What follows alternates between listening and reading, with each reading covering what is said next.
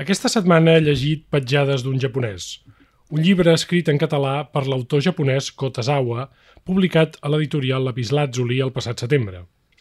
A Catalunya, ja ho sabeu, sempre acostumem a arribar tard a la majoria de coses fonamentals, i més encara si parlem de literatura. Com la majoria de conciutadans del país, no vaig saber de l'existència de l'autor Kotazawa fins al dia de la seva mort. Desconeixia, per tant, la tasca d'aquest banquer de formació que va passar-se a estudiar filologia i que, per xiripes de la vida, que ara us explicarem, va acabar interessant-se per la nostra cultura, essent-ne el primer ambaixador al Japó i traduint obres fonamentals del nostre cànon com ara El Tirant o La plaça del Diamant. He començat a conèixer millor la transcendència d'en Kotazawa mercès al coratge i la feinada del seu editor, el nostre convidat d'avui, en Joan Vinyaspre. Ell ha editat aquest llibre que, ja us avanço, és una delícia, perquè no només explica la història d'un home que ha fet de pont entre Catalunya i el Japó, sinó que ens regala l'autorretrat modestíssim d'una persona extraordinària que serà difícilment repetible en el futur. Amb en John parlarem de Tazawa, d'aquest llibre magnífic i d'una col·lecció de literatura japonesa editada a Lapislàtzuli, traduïda pel mateix Tazawa, que hauria d'haver tingut molta més atenció i ressò mediàtic del que ha rebut. Però per això estem a l'illa de Mayans. Ens agrada descobrir tresors i, de pas, llegir-los. Aquesta setmana he llegit Petjades d'un japonès, de Kotazawa, i del llibre, i de moltes altres coses en parlarem amb el seu editor.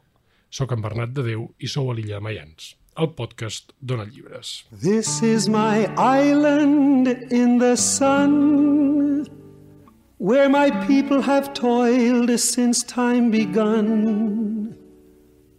I may sail on many a sea, her shores will always be home to me. Oh, island in the sun Built to me by my father's hand. All my days I will sing in praise of your forest waters, your shining sun.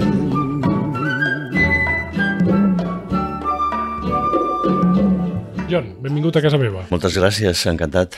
Parlarem de moltes coses perquè tenim molta teca i un personatge apassionant eh, no només biogràficament, sinó literàriament, eh, perquè aquest és un llibre molt sorprenent i que a mi m'ho he passat molt, molt bé llegint-lo i m'ha fet descobrir moltíssimes coses de nosaltres i del Japó, eh, perquè això és, uh, això és un camí de dos voltes.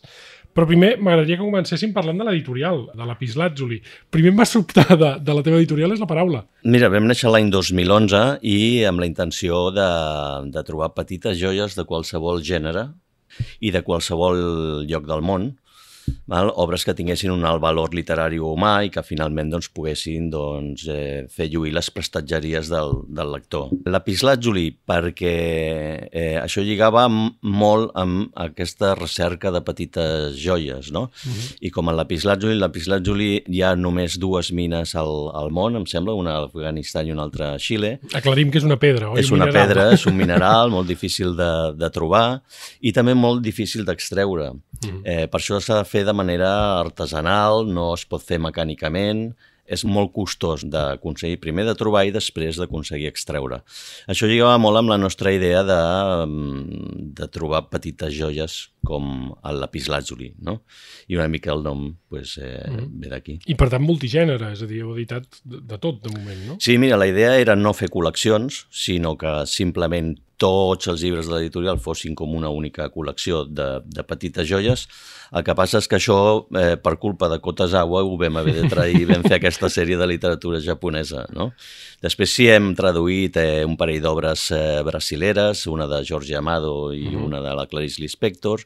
Hem editat bastanta obra modernista, perquè mm -hmm. considerem que el, el modernisme va ser el gran esclat creador mm -hmm. de, la, de, de la nostra cultura. Oi? Sí. Mm -hmm poesia, tenim una poeta molt, molt potent, mallorquina, de 80 anys, que li diuen la poeta punky, l'Antonina Canyelles, eh, que és absolutament eh, brutal. Ara li han fet un homenatge pels seus 80 anys, la Institució de les Lletres Catalanes. Bé, tenim una mica, una mica de tot, cosa poca i bona, no? -huh. perquè som del parer també que no pretenem eh, inundar el mercat de, de llibres o ajudar que encara doncs, estigui més inundat de, de llibres i per tant pensem que si totes les editorials editessin única i exclusivament uh -huh. els llibres en els quals creuen, probablement ens aniria millor i tindríem lectors per aquests llibres. No? Uh -huh. I més duradors. No? Mm. no només molts, sinó sobretot lectors que durin, que és una mica el que busquem tots. Lectors També que durin nosaltres. i obres que durin, perquè avui amb aquesta trepidació del mercat sembla que en lloc de llibres fem, fem sabates, sí, no? Sí. i per tant no deixem respirar l'obra literària, no li donem temps i estem impedint que esdevinguin clàssics. Mm Tens una Nobel, no? Tens l'Inspector, per tant, tens una Premi Nobel. Sí. No, et pots queixar, no et pots queixar de moment. El Joan i jo ens vam conèixer a la, a la Setmana del Llibre, ho hem d'aclarir, sobretot per certificar que la Setmana del Llibre serveix per, per moltes coses. sí. Una de les quals és, és que es fan coneixences i de seguida em vas parlar d'aquesta col·lecció de novel·la japonesa traduïda per Tazawa, però sobretot em vas parlar d'aquell llibre que quan jo el vaig descobrir vaig pensar, clar, no, no conec res d'aquest senyor, i ja em vas avisar em vas eh, fer una mica un perfil biogràfic que ara glosarem aquí, però em vas eh, dir que en aquell moment estava molt fotut, eh, que tenia, després ho he llegit, un càncer de fetge i en efecte poques setmanes després, eh, o dies després, fins i tot va, va morir. I molts ens vam adonar de que hi havia una figura fonamental de la cultura catalana que no, que no coneixíem o que coneixíem d'una manera molt, molt fragmentària. No? Si haguessis de resumir una mica, com vas conèixer Kotazawa? Bé, com les coses bones de la vida, doncs d'una manera bastant casual. Nosaltres estàvem editant un llibre de la poeta de Capellades, Montserrat Costes, era un poemari que es diu La Murga, que japonejava una mica, perquè ella havia estat visquent allà, i vam voler fer aquesta gràcia editorial de fer l'edició bilingüe català-japonès, no? coses que tenim els editors petits. Eh? No, no, no sabem en què invertir el temps i les energies si fem aquestes cosetes. No, no, i, que, I que sigui per molts anys. Bé, en Kotazawa ja era un personatge rellevant, ja li havien donat la Creu de Sant Jordi i alguns premis més. Ell en aquells moments vivia al Japó, a Kobe, i em van passar el seu contacte, em vaig posar en contacte amb ell i vam tenir la sort que va acceptar i ens va, ens va fer la traducció. Després, quan li havíem de pagar aquesta traducció, ell no va, la va voler cobrar perquè va coincidir eh, l'any 2011 el tsunami de Fukushima, sí. el terratrèmol, el tsunami i la fuita de la central nuclear i ell eh, va voler escriure un dietari dels dies posteriors a la tragèdia, no? escrit directament en català pels catalans perquè els catalans sapiguéssim que estava, l'abast, l'abast, que, estava, que, va ser que estava succeint. Un, vaja, un, un trauma del qual el Japó encara no s'ha recuperat. No, encara no s'ha econòmics i, Sí, sí, encara no s'ha recuperat ni, ni tampoc eh, han pogut obrir tota aquella zona de la central nuclear de, de uh -huh. Fukushima. Bé, i aleshores eh, vam intercanviar el que li havíem de pagar per la traducció amb eh, la publicació, l'edició d'aquest dietari sobre Fukushima. Encara no ens coneixíem personalment, però després ell aquest estiu, aquell estiu eh, del 2011 va venir a Catalunya perquè venia sovint a estiuejar a Caralps cada any. No? Ho explica el llibre, sí, que té una sí. estima boja per aquest poble. Sí, sí, sí. I bé, i aleshores doncs, eh, ens vam conèixer i tot d'una ens em va proposar d'editar de, aquesta sèrie de literatura japonesa dels autors més importants del segle XX. No? I recordo una cosa que em va dir, em va dir, mira, es parla molt de que li donaran el Nobel a Murakami. Diu, mm. però jo penso realment que no se'l mereix. Però aquests que traduiré sí que se'l mereixien.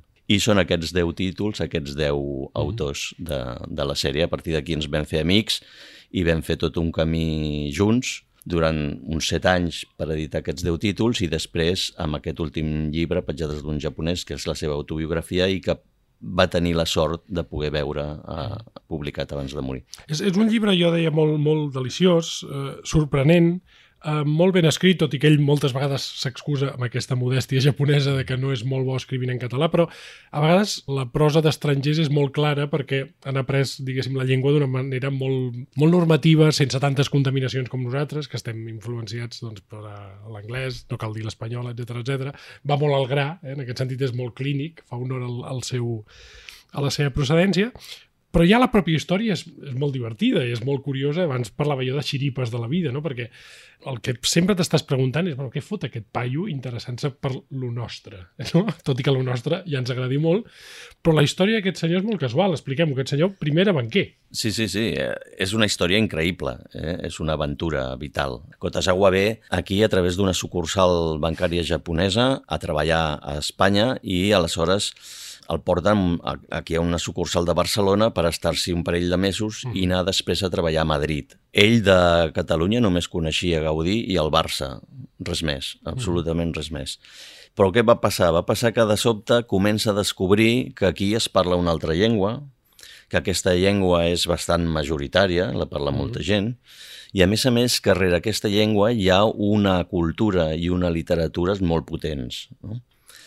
Aleshores, doncs, com aquests japonesos, entre cometes, kamikazes, decideix deixar la feina del banc, es posa a estudiar filologia catalana, acaba la carrera i a partir d'aquí doncs, no se li acut res més que començar a traduir les grans obres catalanes al, al japonès, Camí de Sirga, Tirant-lo Blanc, que es, es va tirar 10 anys per traduir-la. Clar, ell ja comença fent una tesina sobre el tema del bilingüisme. És a dir, és una persona que ja el tema de la llengua, de la lexicografia, que després en va aprenent, a mesura que l'aprèn mm. en català, no en japonès. Sí, és molt curiós, sí, sí, no? Sí. Però ja és un tema que li interessa, no? el tema del, del bilingüisme. Jo no sé si tu has pogut llegir aquesta tesina, que ell em sembla que escriu en espanyol, oi? Sí, perquè e, ell havia estudiat estudis hispànics i, i la seva dona Yoshiko també, i jo no l'he llegit, però me'n parlava molt, eh? me'n parlava molt sovint, i bé, l'únic clic que li passa a la seva vida és aquest, que descobreix el, el català, descobreix Catalunya, i a partir d'aquí decideix doncs, donar la seva vida i la seva energia a, a fer d'home pont entre Catalunya i el Japó, és a dir, a internacionalitzar uh -huh. la literatura catalana a l'Orient, per un costat, i després doncs, a, a regalar-nos aquestes joies, el més preuat que hi pensa de la literatura japonesa i traduir-ho directament al català. A més a més de parlar-nos en els mitjans de comunicació i en conferències durant molt de temps dels grans esdeveniments que han succeït durant tots aquests anys, no? Mm -hmm. Això de Fukushima que hem comentat, o, per exemple, la pèrdua de valors que ell pensava que s'estava produint en el, en el Japó, el tema dels Jocs Olímpics de, de Tòquio. El Japó va explicar molt bé tot el procés d'independència uh -huh. de Catalunya com va anar, per tant, tant d'allà cap aquí com d'aquí cap allà doncs, va fer grandíssimes aportacions. Per això és un personatge increïble. No? Eh, jo crec que sempre diem que tots són prescindibles, no? sempre diem que tots són prescindibles, i en aquest cas aquesta màxima no resultaria perquè realment Kotazawa eh, ha sigut un personatge imprescindible perquè el que ell ha fet no ho hauria fet ningú. La manera, quan arriba a Barcelona, és molt curiosa, perquè ell vol arribar a casa d'una família, llavors fa una carta, un article, em sembla, al diari Avui, demanant una família que l'aculli, i això l'acaba posant en, en contacte amb el Josep Maria Espinàs, no? d'una manera molt curiosa, a partir d'aquí es fa col·lega de l'Espinàs.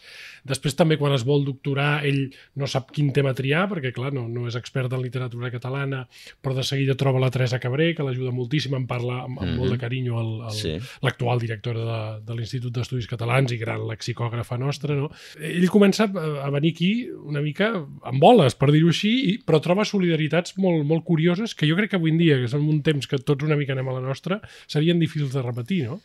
Sí, ell s'arrisca molt perquè ve aquí, ho diríem, a porta freda i, i, i aleshores doncs, comença a treballar com una formigueta un, amb una constància impressionant. S'autoensenya català, S'autoensenya català, sí, sí, i, i després va, va contactant i va coneixent lingüistes i professors i gent de la cultura de la, dels quals parla, parla en el llibre. No? Per exemple, també va conèixer en Raimon, en sí, Antoni Tàpia, uh -huh. etc. Tota aquesta gent l'acaba influenciant i l'acaba ajudant. No? Suposo que també eh, sempre ho deia, feia gràcia un japonès parlant català i aleshores això també li va obrir moltes portes, no? Després acaba sent una persona més reconeguda, però realment aquesta és una tasca titànica perquè ell comença a traduir una literatura, el que dèiem abans, no? que a Japó és absolutament desconeguda. I ho fa a través de les grans obres, és a dir, no comença amb obres comercials, per dir-ho així, d'un autor que puguin conèixer, no? Eh, tradueix el Tirant, que és una animalada, no? Traduir-lo al japonès, tradueix la plaça del, del Diamant, i ho fa amb una militància molt, molt, molt curiosa, i a més a més, que jo crec que això és una mica la, la transcendència del personatge, se n'adona que per fer això i perquè no sigui una flor d'estiu el que s'ha de fer és un treball lexicogràfic. Per exemple, per mi és molt important el tema del diccionari, no? Ell se n'adona que no hi ha un diccionari i el tio el fa. que dius, hosti, poca conya, no? Sí, sí, tenia claríssim que s'havia de fer un diccionari català-japonès per als japonesos i un altre en l'altra direcció ell ho va fer fa molt de temps i sempre deia que era mm, un diccionari bastant bàsic i que eh, amb el temps s'hauria d'actualitzar, eh? que era l última tasca amb la qual ell va estar involucrat, no? de perfeccionar científicament, diríem, aquest, aquest diccionari català-japonès, japonès-català. Ell va traduir, ho dèiem, eh, el Tirant, la plaça, també el Camí de Sirga, de fet va explica la, la seva coneixença amb Montcada. Uh mhm. -huh. Devia ser un molt bon tio, no? perquè tothom realment, el, tu que l'has conegut, no? el rep tothom amb molt, amb molt de carinyo, més enllà de, del, del tema curiós, pintoresc, d'algú que s'interessa per lo nostre, devia ser una persona molt transparent, no? molt, molt tossuda també, no? molt sí, treballadora. Mira, jo, jo crec que en Cotes Agua era una persona molt, molt coherent. Allò que deia i allò que feia anaven molt junts, que això no s'estila massa avui dia. I una persona molt senzilla, molt humil, molt, molt treballadora, molt tenaç, eh? Mm. molt tenaç.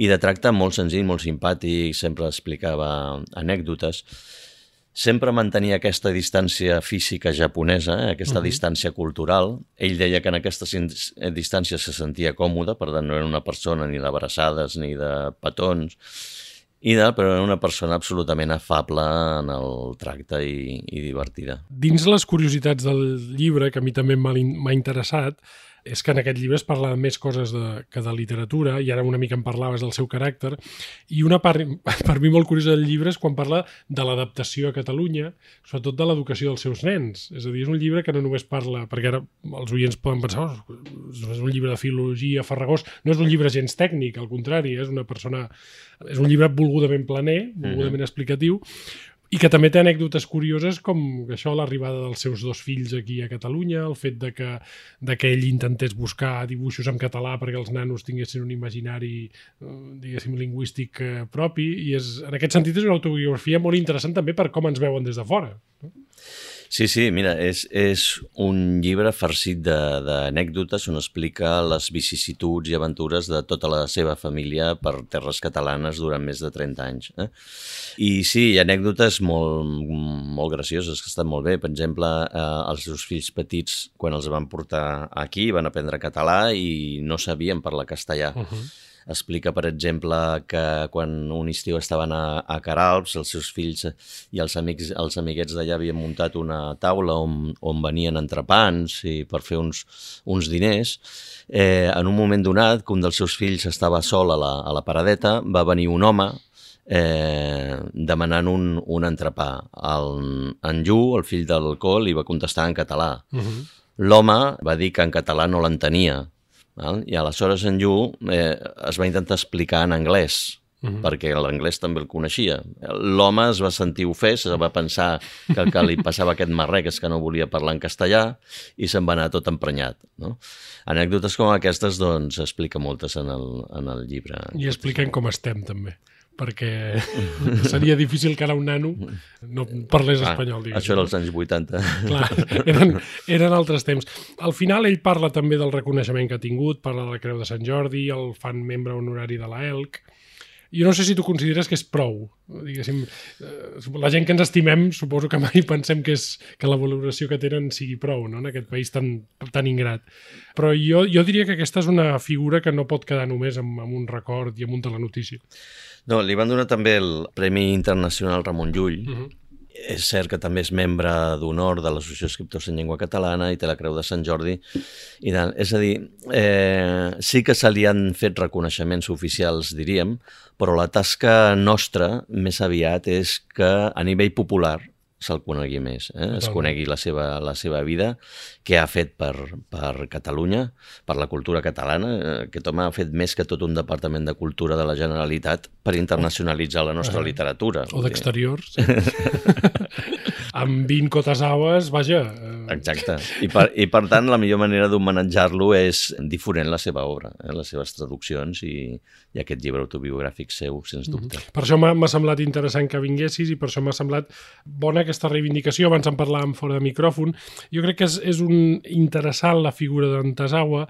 Els catalans tenim molts defectes, no cal recordar-ho. Un d'ells és que a vegades només valorem lo nostre quan algú de fora ve i posa el segell, i després, quan tenim ambaixadors a fora, tendim a folcloritzar folcloritzar-los, adoptar-los com pràcticament com una mascota, no? Ho vam fer durant un temps amb Harold Bloom, me'n recordo, que, perquè parlava de Llull i parlava de Rodoreda i quasi una mica més i el vam adoptar. I jo crec que Antasawa es, es va resistir a això, sempre va ser una figura molt, molt digna, molt sòbria, jo crec que amb això ser japonès li, el, el va ajudar molt. I nosaltres que tenim a folcloritzar-ho tot, jo penso que ell també es va salvar del, del pitjor de, de nosaltres, eh? Mm, sí, I per tant és una figura mm. molt, molt interessant. I jo abans ho deia, eh? recomano molt el llibre perquè és un llibre també un bon llibre de literatura, perquè clar, l'està fent una persona que és molt bon literat. I el seu català també és, tot, insisteixo, eh, tot i que ell es disculpi, és un bon català. Sí, al final és autobiogràfic, però està escrit com una aventura, la seva pròpia, la seva pròpia aventura. No? Mm.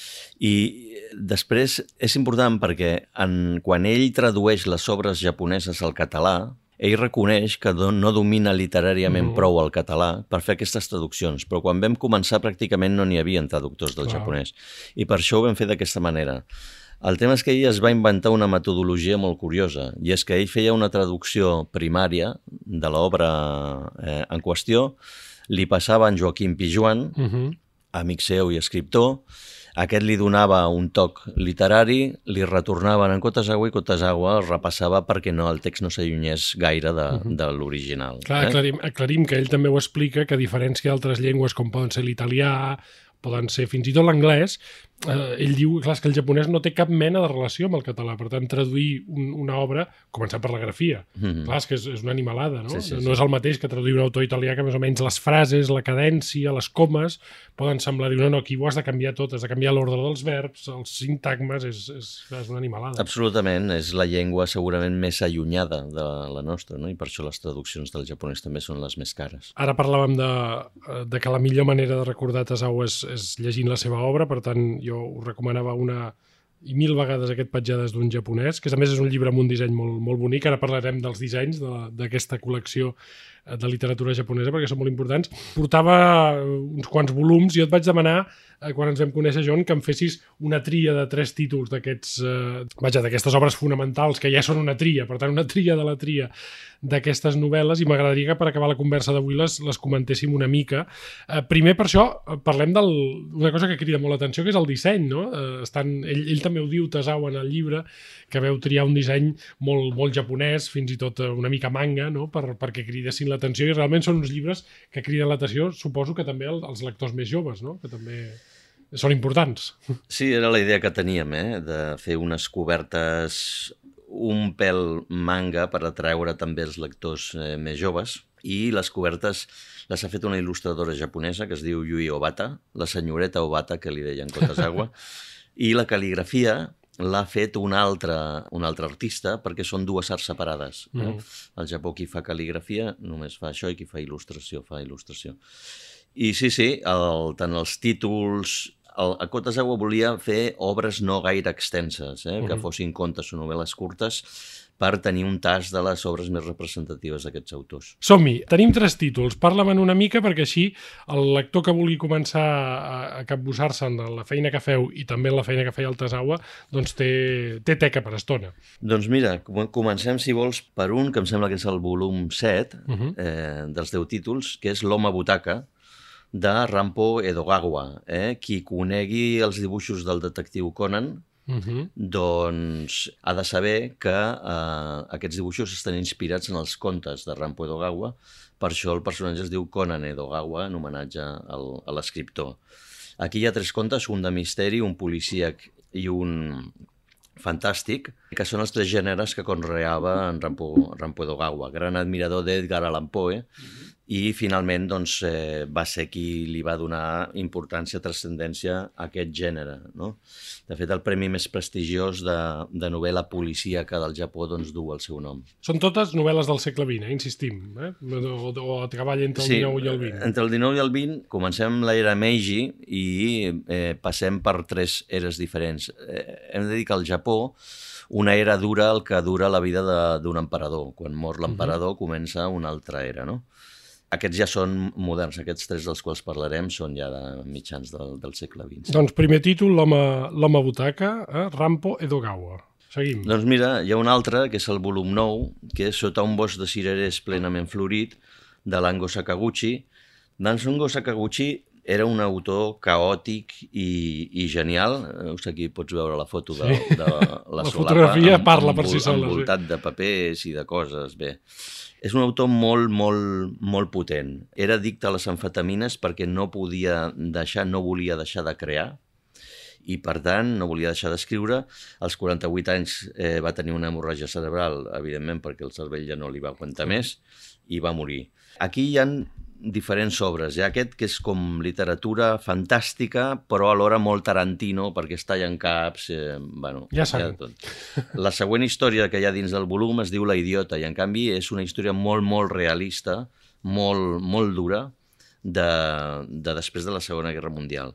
I trobareu també en el, en el llibre un breu assaig que es diu Sobre la perdició, que aquest assaig va causar molt d'impacte al Japó després de perdre la Segona Guerra Mundial perquè era el primer que deia als japonesos escolteu, si nosaltres som així, tenim aquest sentit del, del, del deure, de l'honor, som mm. tan sacrificats, no és que siguem així per generació espontània, sinó perquè els poders fàctics, els emperadors, ens han fet d'aquesta manera. No? Caram.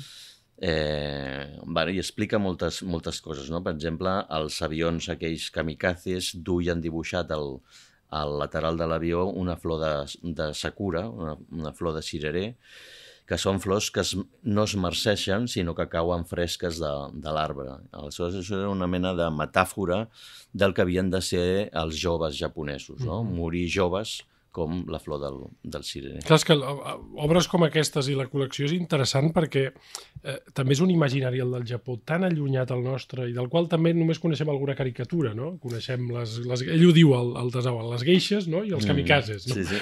Pràcticament, però... I l'arakiri. I l'arakiri, no, i el sushi. Per exemple, el, el, els, els boscos de cirerers a nosaltres ens sembla un paisatge bucòlic i bonic, uh -huh. doncs per ells és una imatge inquietant i fins i tot de terror. Per tant, quan floreixen els cirerers, mai van sols a veure els boscos de cirerers, sinó que no van acompanyats perquè d'allà podria sorgir qualsevol cosa, no? I això ja els hi ve de, de l'època medieval. Doncs repetim, eh? sota un bosc de cirerers plenament florit, eh, de Lango Sakaguchi. Molt bona pinta, fa molta salivera. I acabem amb el desè títol, L'home infrahumà d'Osamu Dazai. Aquest llibre, eh, al Japó diuen que és una novel·la perillosa, eh? és una novel·la perillosa perquè és una novel·la autobiogràfica i Osamu Dazai era alcohòlic, eh, drogadicte, suïcida, comunista, faldiller, és a dir, ho tenia tot. S'intentava suïcidar sempre amb la seva amant, a vegades l'amant moria i ell no, Ui, és a dir, va tenir una vida molt, molt, molt, molt turbulenta. Això ja no? anem en compte. I, clar, aquí està explicant la seva pròpia, la seva pròpia vida, aquest descens ja. als inferns de, de la naturalesa humana. Té un atractiu molt, molt fort entre el jovent eh, japonès i per això diuen que és una novel·la perillosa Clar. perquè els pot dur a la, a la mala vida. No? És com un Werther, no? Com un Werther modern. Doncs pues mira, jo començaré per aquest, eh? perquè m'has fet, fet venir moltes ganes. Està molt bé perquè no és una literatura gens eh, costumista, no es perd en la descripció, sinó que intenta buscar eh, la lletjor de la societat, els clars obscurs de la naturalesa humana, va a buscar allò més, més cruent de, uh mhm. -huh de, que tenim els, els humans. No? Doncs l'home infrahumà, eh? Osamu Dazai, vaja, ens has fet venir molta, molta salivera. Jo recomano que, que abans de llegir-vos aquests tres títols o que de capbussar-vos en la col·lecció sencera, que és, vaja, té una pintaca brutal. Uh, us cruspiu aquest petjades d'un japonès. A més a més, és un llibre molt fàcil, és, perquè és, pràcticament es llegeix com un dietari, per tant pot ser un molt bon llibre de tauleta, del, del Kotazawa, que sentim tots plegats una miqueta de vergonyeta d'haver de conèixer gent tan bona com, el, com aquest senyor, que va fer tant pel país, eh, només quan és massa tard perquè descobrim massa coses quan és massa tard, perquè realment eh, llegint això, una de les coses que m'hagués agradat és haver-lo conegut. Eh, tu has tingut aquesta sort. Sí, eh, de fet va, va crear uns grans monuments eh, mentals, tant per internacionalitzar la nostra literatura com per aportar literatura japonesa aquí, grans aportacions de tot tipus, tot i aquesta obra ingent que ell va fer, eh, ell estava content de tot el que havia fet, d'aquest uh -huh. treball constant eh, per Catalunya, i bé, que tu i jo estiguem parlant d'ell, doncs eh, ja és bon senyal, perquè d'alguna manera és la manera que tenim doncs que se'l conegui més, que conegui sobretot tot el que ha fet. No? Doncs uh, a llegir, que és l'únic que ens falta, tu ja has fet la feina, ara ens toca acabar-la de fer nosaltres. John, moltíssimes gràcies per haver vingut. Gràcies, Bernat. A tu.